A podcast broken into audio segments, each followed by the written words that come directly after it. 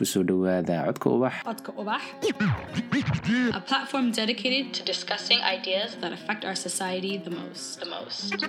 wacyigelinta arrimaha sugaanta Culture and the voice of storytellers. ku soo dhowaada codka ubax waa qeybtii saddexaad ee kalkii saddexaad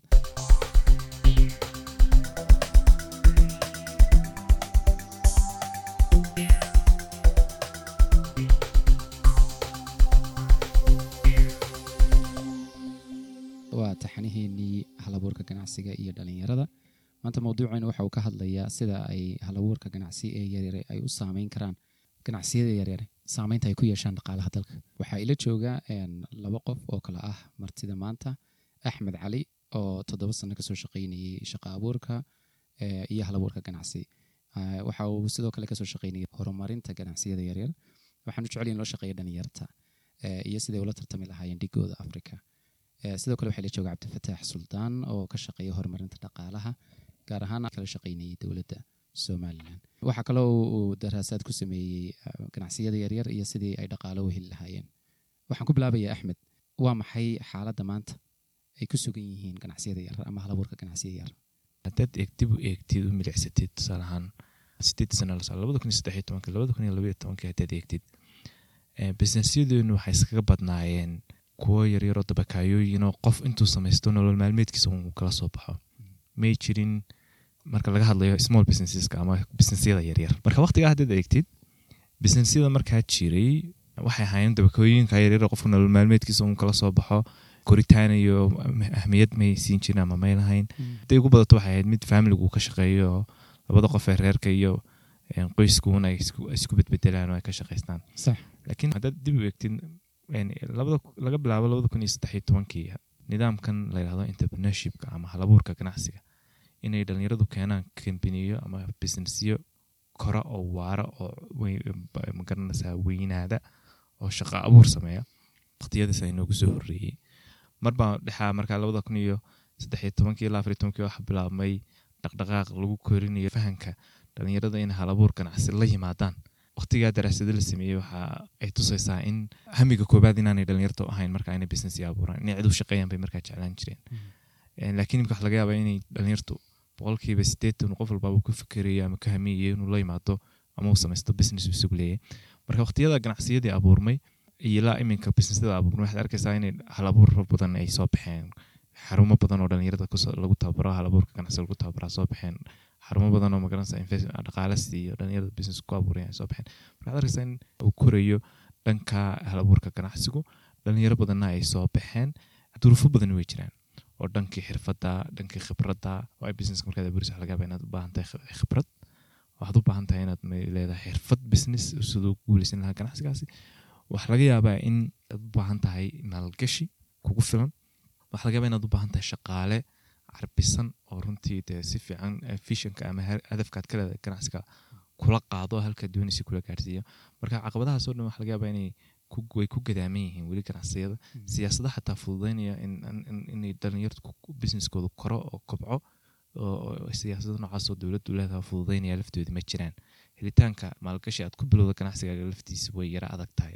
Sidaad ku helashaana ama waaba yar yihiin oo competitionka ama tartanka ayaa aad u sarreeya inta jirtana tartankaas aad u sarreeya marka is- xa- xaaladahaas ay dhalinyarteenu ku nool yihiin laakiin waxaan aaminsanay inay yihiin halabuurayaasheena ama entrepreneurskeenu dad resilient ah ama adkaysi leh oo caqabadahan oo dhan ka gudbi kara oo ka gudbayba qaarkood. Xataa covid 19 haddaad eegtid dadku aad ku saameeyey waxaa ka mid ah dhalinyarta halabuurka ganacsiga leh.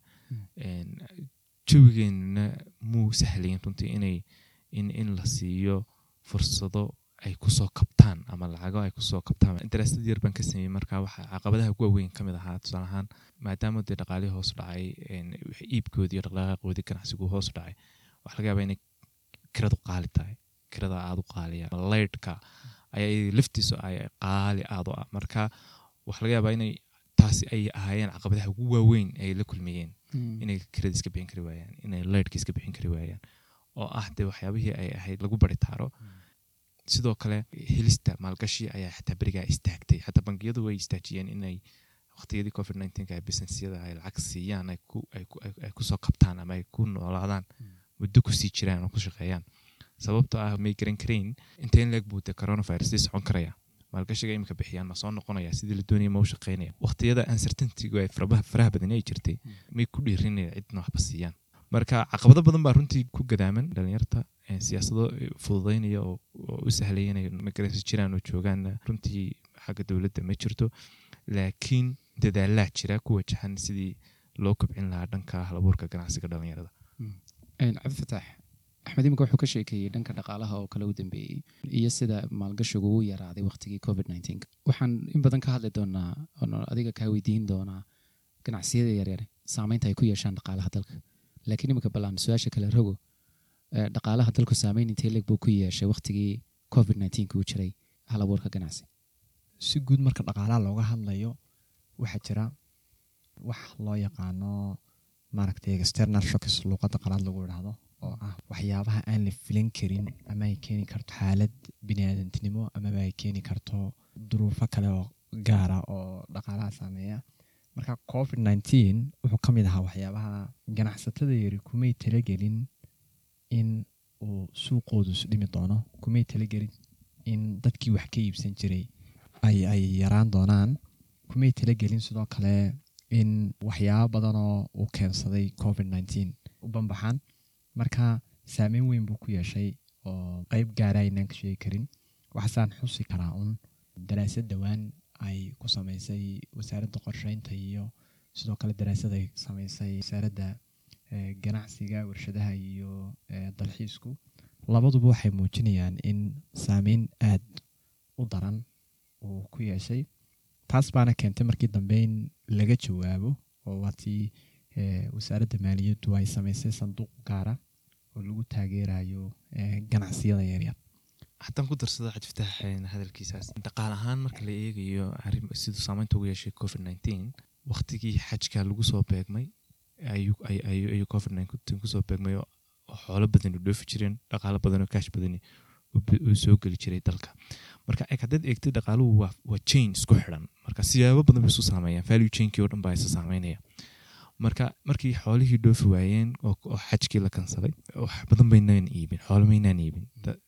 Dhaqaalo badan oo lafdhabar ha halkaa ka soo geli jiray muu muu soo gelin. Sidoo kale waqtiyada uu covid nineteen yimi waxaa iyadana ay ku baagna waqtiyada samarka dadka diaspora ama dibadaha ayna qurba joogay inoo iman jireen oo dadka dhaqaalo badan ay ku soo celin jireen. Tusaalahan hoteeladii coffee shops ha noqoto restaurants ha noqoto eh, magaranaysa ha noqoto magaranaysa transport waxyaabahaas oo dhan ayay isticmaali jireen. Waxaa sidoo kale la joojiyey isku socodkii diyaaradaha wax la joojiyey isku socodkii maraakiibta marka waxyaaba badan baa ay- uu saameyn ku yeeshay. Taas waxay sababtay in dad badan ay shaqadii waayaan businessya badan ay xidhmaan. Weliba ismaaciilow kuley axmed baa tusaalayaal badan sheegay marka la kala qaybinayo ganacsatada yaryar waxaa jira kategoriyo badan ama qeybo badan oo loo kala qaybiyo. Qeybahaasi waxaa ka mid a tusaale ahaan kuwa dhexe kuwa yanyan maaragta tusaale ahaan walataleyda oo kala ka mid yihiin. Laba gruuban haddii aan imanka qaadano kuwa aadka u sii hooseeya iyo kuwa dhexe oon tusaalayaasha uu axmed sheegay wax ku sii kabno waxaa ka mid a walataleyda oo kale. Waxaa jira dad badan oo ganacsato yar oo walataley u badan weliba haween u badan oo ku hor ganacsan jiray goobaha waxbarashada. Oo maaragtay eh, halkaa carruurta wax ka iibin jiray dhaqaalo badan iyo maaragtay eh, nolol maalmeed uga soo saari jiray qoysas fara badan. Dadkaasi markii waxbarashadii la joojiyey waxay ku soo dhaceen een, camal la'aan. Meelaha uu aadka u saameeyey ama maaragtay warbixinaha la diyaariyey la taabtay waxaa ka ahaa hospitality industryga oo ay ku jiraan hodheeladii oo ay ku jiraan coffee shopskii oo ay ku jiraan travel agencieski somaliland muddooyinkii ugu dambeeyey waxaa aada u badanayay oo dardar ku soo kacay ganacsiga loo yaqaano travel agencieska. Laakiin si accidental markii covid nineteen uu yimi suuqay uga baxeen. Sababtoo ah waxaa meesha ka baxay eh, dhaqdhaqaaqii. Waxaa kaloo iyaguna hodheeladu kuwii aan hore naqaanay ama traditionalka ama kuweenii hore inagu aynu la qabsanay. Si fiican bay u sii shaqeynayaan laakiin kuwii modernka ahaa ee cusbaa ee inta badan ay lahaayeen dad diaspora maaragtay ka- diasporadeenu ay lahaayeen ama dadka localka ay lahaayeen laakiin modernka yaraha kuwaasina gebi ahaanba waxay iskugu iskugu jireen wax suuqa ka baxay iyo wax maaragtay la kulmayeen caqabadaas. Haddaba marka ay caqabado noocaas oo kale ahi ay ku baxaan qof dhalinyara oo laga yaabo halabuur ganacsi wanaagsan inuu la yimid. Suuqiina uu soo baxo. Waxaa ku imanaysa marka caqabado kale oo culays saaraysa halabuurkiisa su'aashan axmed weydiine waxa weeyaan ganacsiyada hadda suuqa soo gelaya sidee loo hubin karaa inay yihiin kuwo halabuur ganacsi oo adag leh oo iska caabin kara caqabadaha ku yimaada Een, horta businessyadu eh, ismaaciil in ay yeeshaan halabuur waa muhiim. Halabuur kastaana wuxuu leeyahay caqabadiisa waayo wixii halabuuri waa dee wax la ikhtiraacaya Mm. marka ma- mar haddii wax cusub la jeex wada cusub la jeexaya ama nidaam cusub ha loo sameynaya wax laga yaaba in caqabadeeda wadato. Adigoo dadaal badan geliya baa laga yaabaa si fiican u shaqeeya. Adiyadaadana aada u fiicnayd ayaa laga yaabaa haddana inay sidii aad u doonaysa u shaqeyn weydo dadna saa suuqa ka baxo. Caqabaduhu way kala duwan yihiin. Tusaale ahaan kuwana waa dee kuwo iska fudud oo la arki karo oo laga gudbi karo. Kuwana de waa kuwo ma garanaysaa culus oo aan laga gudbi karin oo dee natural disasters ba noqon karaan oo tusaale ahaan sida covid nineteen maahan wax dee ma garanaysaa cidnaba ay qorshaha ku jirta inuu sanadka adduunka ka dhici doono. Marka marka hal abuur da- dadka la leeyahay ama new innovations maahan macnaheedu in completely wax cusub la ikhtiraco waxa weeyaan un wax jiray in nidaam cusub lagu soo kordhiyo ama model cusub ama nidaam cusub wax loo sameeyo. Waxa laga yaaba laba business oo isku mid ah in laba model oo kala duwan aad marka dusha ka joogtid aad kala garan weysid maxay ku kala duwan yihiin? Laakiin laga yaaba in modelkooda nidaamka u shaqeeyaan ay kala duwan yihiin midna uu guuleysto midna uu guuleysan waayo. Halabuurka cusubna wuxuu u baahan yahay maadaama wax cusub aad tijaabinaysid in ay caqabaduhu iska yara fara badan yihiin. Marka loo eego contextkan ama dalkeena tusaale ahaan waxaa ka mid ah in aanay dhalinyaradu tusaale ahaan loo sameeyo mentorship ama coaching la ama in qof ka khibrad badan inay la tashadaan oo ay ka dhigtaan qof ay ku tiirsan yihiin mar marka caqabadaha noocaas oo kale ay ka hor yimaadaan kuwaana halkay ka helayaan way jiraan dad badan oo waxaa jirta iska iska si taburuca u volunteer gareeya Mm. een, oo laga yaabo soddonkii sano dambeeyey ama labaatankii sano u dambeeyey businessyadan ku soo jiray. Maahan laakiin dee adigoo technology ka shaqeynaya inaad doonatid qof ka shaqeynayay maxaa ariga iibin jiray ama ama livestock trader ahaa. Ma wax badan kuma soo kordhin karaa laga yaabaa laakiin qof dee aad is leedahay me- tuhun kaa galay in aad isku wax ka shaqeynaysa si, uun uu ku caawin karo inay ay talo iyo tusaale iyo khibrad iyo talo wadaag ay la doontaan ayaa wanaagsan. Cabdifataax saameyn nooceeya bay halabuurka ganacsi ee yareere ay ku yeelanayaan dhaqaalaha? Ismaaciil su'aashaasi waa su'aal wanaagsan. Kolley waana su'aashii hore aynu xagga kale kaga nimi markani. Saameynta ay ku yeelanayaan dhaqaalaha ganacsiyada yaryari.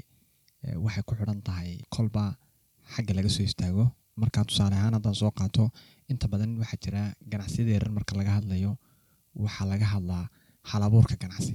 Marka halabuurka ganacsi marka la doonayo in la cabiro waxaa lagu cabiraa inta ganacsi yaryar ka bilaabantay wadankaas ganacsiyada abuurmay markaa kolley way kala duwanaanayaan oo waxay ka soo kala jeedayaan wadaagayaal kala duwan ama sectors kala duwan. Qaar baa ka soo jeeda wax soo saarkii. Qaar dhismayaashii ka soo jeedaya. Qaar baa traderisa ama hoteeladii ama restaurantskii ka soo jeedaya. Qaar maaragtay gaadiidka iyo isgaarsiinta ka soo jeedaya. Qaar ka shaqeynaya eh, real stateka iyo dilaalnimada iyo waxyaabahaasi.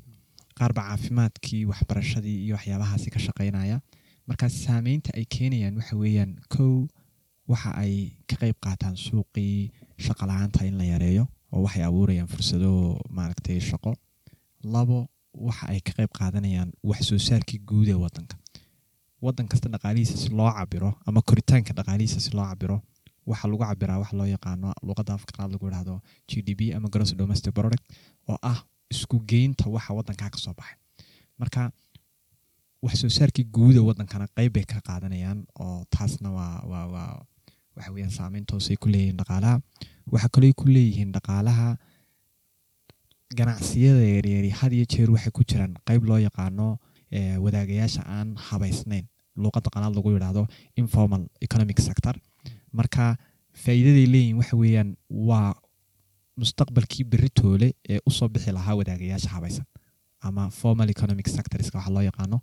Marka taasna waa waa waa waa saameyn toos oo ay dhaqaalaha ku leeyihiin dowladaha iyo waddamada caalamkuna waxa ay saaraan diiradda sidii ganacsatada yarare soo kobcaysa wadaagahan habaysnayn looga soo saari lahaa ee wadaagaha habaysan loogu soo saari lahaa. Taasna de waxay u baahan tahay in loo diyaariyo deegaankii ku habboonaa marka saameyntaasay ku leeyihiin dhaqaalaha markaynu si guud u eegno.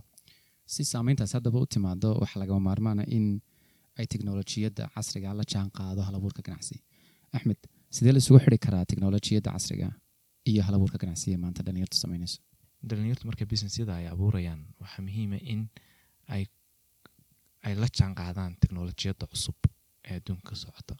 Ganacsi aan technology isticmaalayni waxaa laga yaabaa inaanu dhowrka sane soo socdo aanu relevant noqon aanu la jaan qaadi karin dee nidaamka cusub ee adduunka ku shaqeynaya. Haddaba maxay sidebay saameyn ugu yeelan kartaa ganacsiyada yarar waxaweeye tusaale ahaan waxay fududaysaa in codkaagu meel fog gaadho tusaale ahaan social media haddaynu eegno inaad maanta haddaad businesskaaga abuurto waxaa laga yaabaa inaad isla maantaba productgaagaas aad gaarsiin kartid labaatan kun toban kun boqol kun waxay ku xidhan tahay inaad ciddaad target garaynaysa ma dadka instagramka taaga twitterka facebook ma google ma email ma garanaysa marka in horta ay qeyb ka noqoto teknolojiyadu waa muhiim qeybta weliba advertisementka ama customerka in la gaarsiiyo ama businesskaaga in la arko oo iibgeysid. Talabaada teknolojiyada waxay ka qeyb qaadataa waxaan la yahdo operationska ama howl maalmeedka shaqee maalinlaha ah maaliyadda. Businessyo badan baad arkaysayo ilaa iminka buug iyo qalinkiisdaba sida.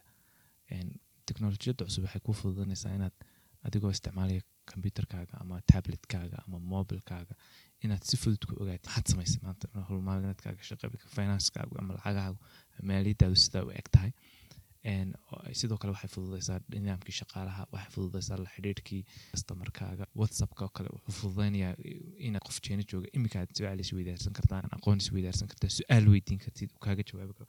Tusaale marka horta dhanka maaliyadda lafteeda teknolojiyadda kama maaranto sida oo kale waxay kaloo fududaysaa daraasaadka. Inay dhalinyartu ay xog raadin karaan iyagoo isticmaalaya technology ama internetka. Daanaadka doonayo sideebaa shaqaalahaaga looga dhiga qaar kula qaada hadafkaaga ama fishonkaaga waxaad helaysaa macluumaada oo kaa caawin kara oo laga yaaba inta ugu badan inaba ay relevant ku leeyihiin ama adiga kula xidhiir marka horta teknolojiyaddu businesska haddaan qeyb ka mida noqon waana la yahdo waa mashiinka iminka wareejinaya marka i think inay dhalinyar kastoo iminka business abuureysa ay ka fikirto sida technolojiga cusub ay businesskooda qeyb uga dhigi lahaayeen. Inagoo mawduuca ku sii joogayna axmedow? In badan waxaad ka soo shaqaysay inaad dhalinyarta aad gaarsiiso heer ay la tartamaan dhigooda africa tusaale ahaan. Inagoo u gudbayna qeybta teknolojiyadda ee caalamiga ah. Ma jiraan dadaalo caalamiya oo ka shaqeeya isku xidhka ganacsiyada yaryar iyo teknolojiyadda si dhalinyartayna dhegeysanaysaa mawduucan xiiseynaya ay uga faaideysato ha walaal way jiraan ismaaciil de imika movementka socdaba dee go digital ama dee in dhalinyartu businessyadu ay ay ay ay ay digitalize gareeyaan sirin waa dadaalo socdo adduunku imika aada u dhiirigelinayaan.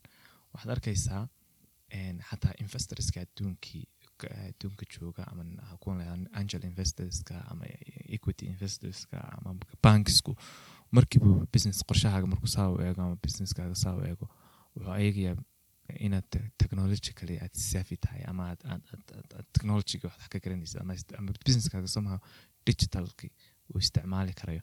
Haddii aanay taasi aanay suurtagal ahayn traditional tahay wax laga yaabaa inaad businesska xataa sidaad iskula xisaabtamaysaan baabaad iska adkaanaysa saa wada macaamilaysaan baaba iska adkaanaysa si taa looga hortago business and technology isticmaalayni iminka maba ahaba businessyada priorityga la siiyo ama marka xataa haddaad eegtid businessyadeenan dhallinyaradeenan halabuurka ganacsiga ka baxa ama meelahan dee magarasa xarumahan tababarada haddaad soo yara eegtid qof kastaaba ideyadu ama business ideyadan fikir ku hayaa somehow oranada technology way isticmaalaysaa marka waxaan u malanaya imika waxweeyaan waa dhiigga businesska magaranaysa waa bladkii businesska baaba noqotay inay technology ama digital skillsku ay qayb ka tahayba business soo kacay. Marka taasaan cabdifatax fursado nooceeya ayaa loo abuuri karaa ganacsatada yaryar si kor loogu qaado awoodooda ku sii jiritaani suuqa si aanay suuqa uga bixin yaase abuuri kara fursadahaas?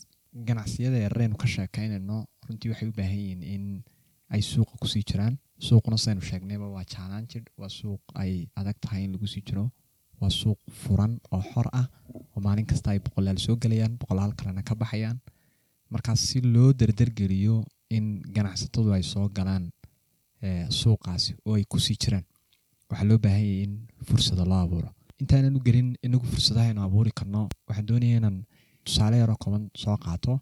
Wadamada adduunku marka inta badan la eegayo siday u horumaraan amaba laga sheekeynayo wadan horumaray oo tusaale loo soo qaadanayo waxaa jira for example imika tusaale ahaan oo kale waxaan soo qaadan karaa africa kale imika waxaan soo qaadan karnaa rwanda asia kale wadamo kalaa jiro fara aynu garanayno horumar baaxad la sameeyey. Daraasad kasta oo la sameeyo oo la ogaada bal wadankaa horumaray waxyaabuhu ku horumaray inta badan saddex bay ka badin weydaa. Saddexdaa waxaa ka ah maamul wanaaga waxaa ka ah horumarinta ganacsiyada gaarka loo leeyahay ama private sector developmentka waxa loo yaqaano halkan u socdaana anigu waa halkaasi. Wadamada oo dhan marka la sugeeyo waxyaabaha ugu waaweyn ku horumareen waxa sida loo horumariyey ganacsiyada gaarka loo leeyahay.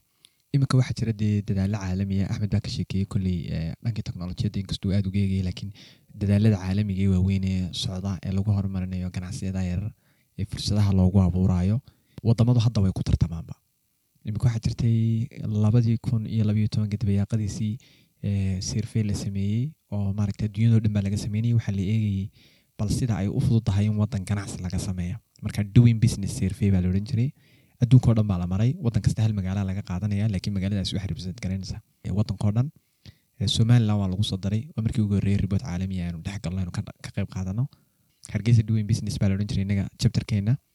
De waxaynu ku jirnay meelaha ugu dambeeya ee adduunyada laakiin waddamada tusaale ahaan oo kale xagga hore kaga jiray oo africa kale ay ka mid ahayd wadanka rwanda oo kaalmaha dhowr iyo afartanaad meelahaas ku jiray.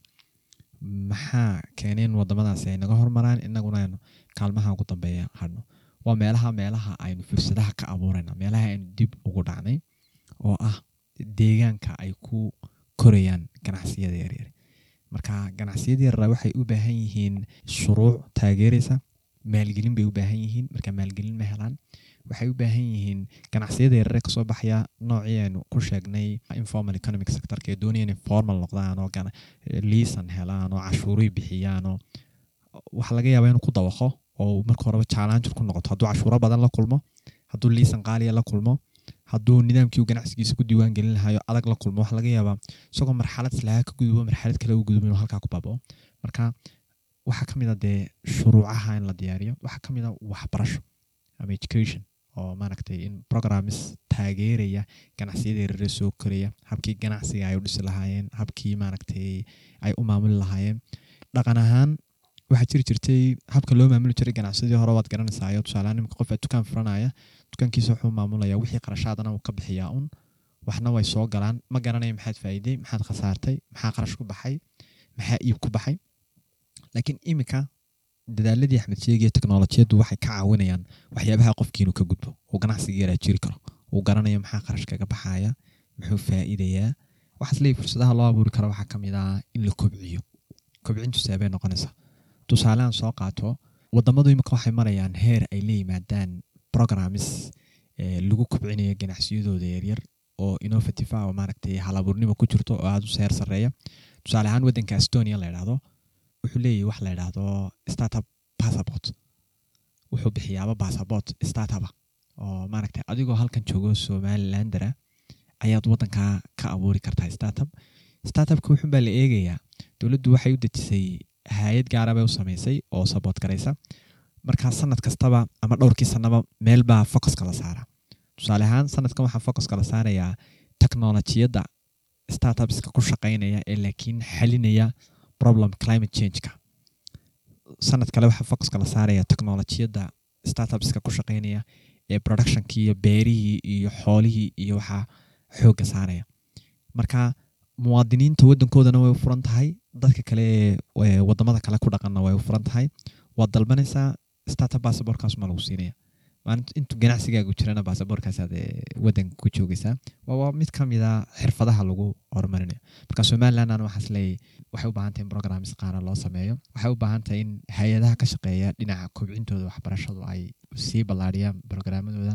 Waxaa loo baahanya in maalgelin loo helo oo baanankeedu noqdaan kuwo furfuran oo u diyaara aqbalidda maaragtay ganacsiyada suuqa soo gelaya gaar ahaan dhalinyara u badan. Dhalinyaradu ma haystaan hanti ay baankii dhigaan oo baankii hanti bu weydiinaya lakiin baananku waa inay la yimaadaan iyagu barnaamijyo taageeraya ganacsiyada yarar cusub ee suuqa soo gelaya ta u dambeysaan waxa weyaan in la helo wax isku xidha yani breaching in la helo. Cid isku xidha oo la helo hay'ado ka shaqeynaya isku xidhka ganacsiyadan yaryar iyo goobahan waxbarashada ay wax ku baran karaan ganacsigooda ku kobcin karaan goobahan ay ka heli karaan maalgelinta goobahan kale ka heli karaan xogta ku saabsan shuruucda iyo waxaasi cid isku xidha waxaasna waa cabdifatax markaa fursadahaas ayaa abuuri kara.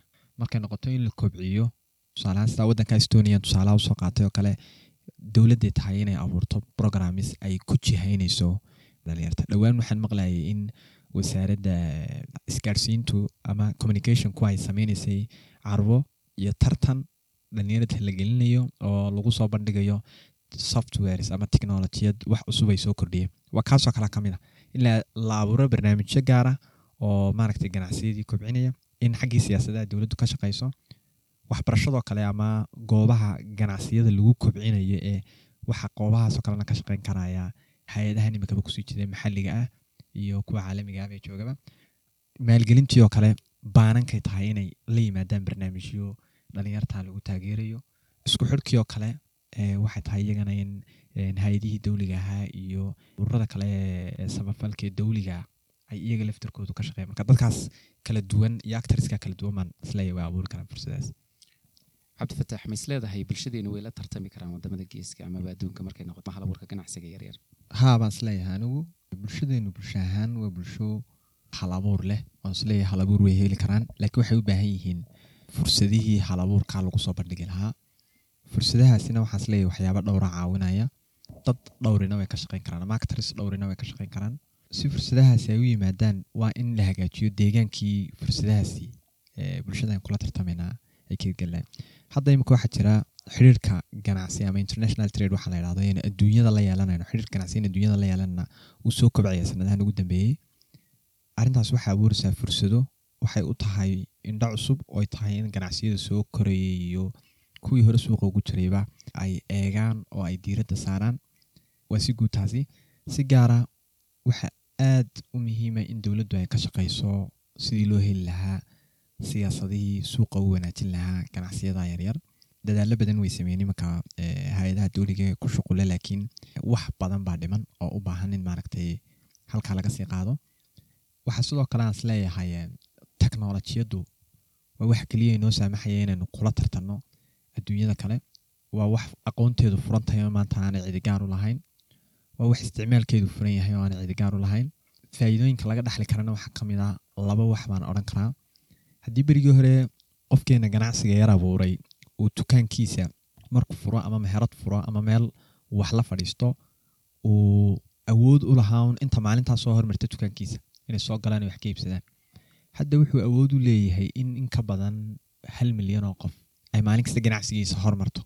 Lacag yarna laga yaaba inay kaga baxdo. Sidee taasi ku imanaysaa? Waxay taasi ku imanaysaa waa isticmaalka teknolojiyadda waddamada imika aynu jaarka lanahay sida etoobiya iyo inoo dhadhow bariga afrika ku wada ama geeska afrikaba iyo kenya iyo way naga dad badan yihiin. Waxaa laga yaabaa magaalooyinka caasimadaha ama magaalooyinka waaweyn marka ganacsi yar laga furo qofka meel yar alaab la fadhiista maalintii ay laba milyan oo qof hormaraan. Labadaa milyan oo qof in ten percent ka mid ah ama five percent ka mid ah ama three percent ka mid ah ama one percent ka mid ah haddii wax ka iibsadaan qofkaasi habi buu noqonayaa waxa laga yaabaa intii uu doonaya inuu helo innaga laakiin dee populationkeenu aad buu yaryahay fursaddaas ma taalo fursaddii haddaba maanta waxaa ku abuuray teknolojiyadda ku abuurtay waxa weeyaan haddii maalintii boqol qof ay ku soo hormari jireen oo boqolkaa qof laga yaabo shan qof inay wax ka iibsan jireen ama toban qof wax ka iibsan jireen maanta laba boqoloo kun oo qof baa hal mar ku hormari karaa virtually si humaaga waxna ka iibin karta marka waxaan odhan lahaa anuu aan is leeyahay waynu la tartami karnaa waxaynu kula tartami karnaana. Waa teknolojiyaddaas waxyaabaha caawinaya suuqana waxyaabahan aynu ka sheegnay kale actariska ay ka mid ka tahay dowladdu iyo financial institutionsku ay tahay inay ka shaqeeyaan. Markaanu cidda messajka ugu badan as leeyahay way tahay in loo diraa maanta halkana fariinta uga faidaysanaya barnaamijkan waxa weeyaan baananka. Baananku waxay u baahan yihiin adeegoodan cid isticmaasha waxay u baahan yihiin dad lacaga dhigta baanankoodii waxay u baahan yihiin dad lacaga ka dira oo transactions badan abuura. Dadkaa ma helayaan haddiina iyaga laftarkooda fursadaha abuurin. Marka waxaan odhan lahaa ka qayb qaata wanaajinta suuqa abuura barnaamijyo kor loogu qaadayo kobcinta ganacsatada yaryar fudaydiya bixinta maalgelinta. Waxyaabaha haddaa samaysaan idinkuna waa faa'iidaysaan ganacsatada yarraana way faa'iidayaan. Axmed mustaqbal noociyya baa kaaga muuqda ganacsiyada yaryar ee soo koraya ama hadda un la bilaabay. Waxaa iga muuqda mustaqbal wanaagsan ayaa iga muuqda dhallinyaradeena inkastoo dee caqabado badani jiraan sidoo iftax baa ka dhawaajiyay arrinta populationka ama bulshada. Waxaan yaro uun taaban lahaa si ay dhallinyarteena ay u noqdaan dad halabuurkooda kor kaco oo magaranaysa guuleysto inay ka fekeraan suuq ka baxsan ka somalilan oo ay tagaan vishonkooda iyo hamigooda ay gaadhsiiyaan. Taasina waxaa ku soo noqonaysaa marka la yahdo entrepreneurship entrepreneurship waa wado furan. Waa suuq furan waa waxaweeyaan waa waa waa albaab furan oo aad oo inta ay maskaxdaadu qaadi karto halabuurkaaguna uu gaadhsiin karo ayaad adiguna ka gaadhi kartaa therefore marka dhalinyartu ay fikradaha ay curinayaan maaha inay ku eegaan uun muraayadda ah in somaliland iyo hargeysa suuqeeda. Laakiin ka badan inay ku eegaan. Qaacidaduna de waa iska fudud tahay waxa weeyaan haddaad doonaysa inaad milyaneer noqotid waa inaad inaad keentaa xal million people xalkoodii aad keentaa marka waxaan leeyahay un limitku waxa weeyaan un adiga iyo qofka uu markaa hal sameynaya ayuunbaa limitka isku sameeye entrepreneurshipku limit male adduunkao dhan ka ganacsan kartaa waxaad doonta fikrado cusub baad keeni kartaa xalkaagu wuxuu gaari karaa adduunyada oo dhan marka waa inaan suuqa iyo fikirka iyo maskaxdeenu ay u furnaataa mid ka weyn lagu eegayo suuqa yare hargeysa ee ciriiriga ah iminka.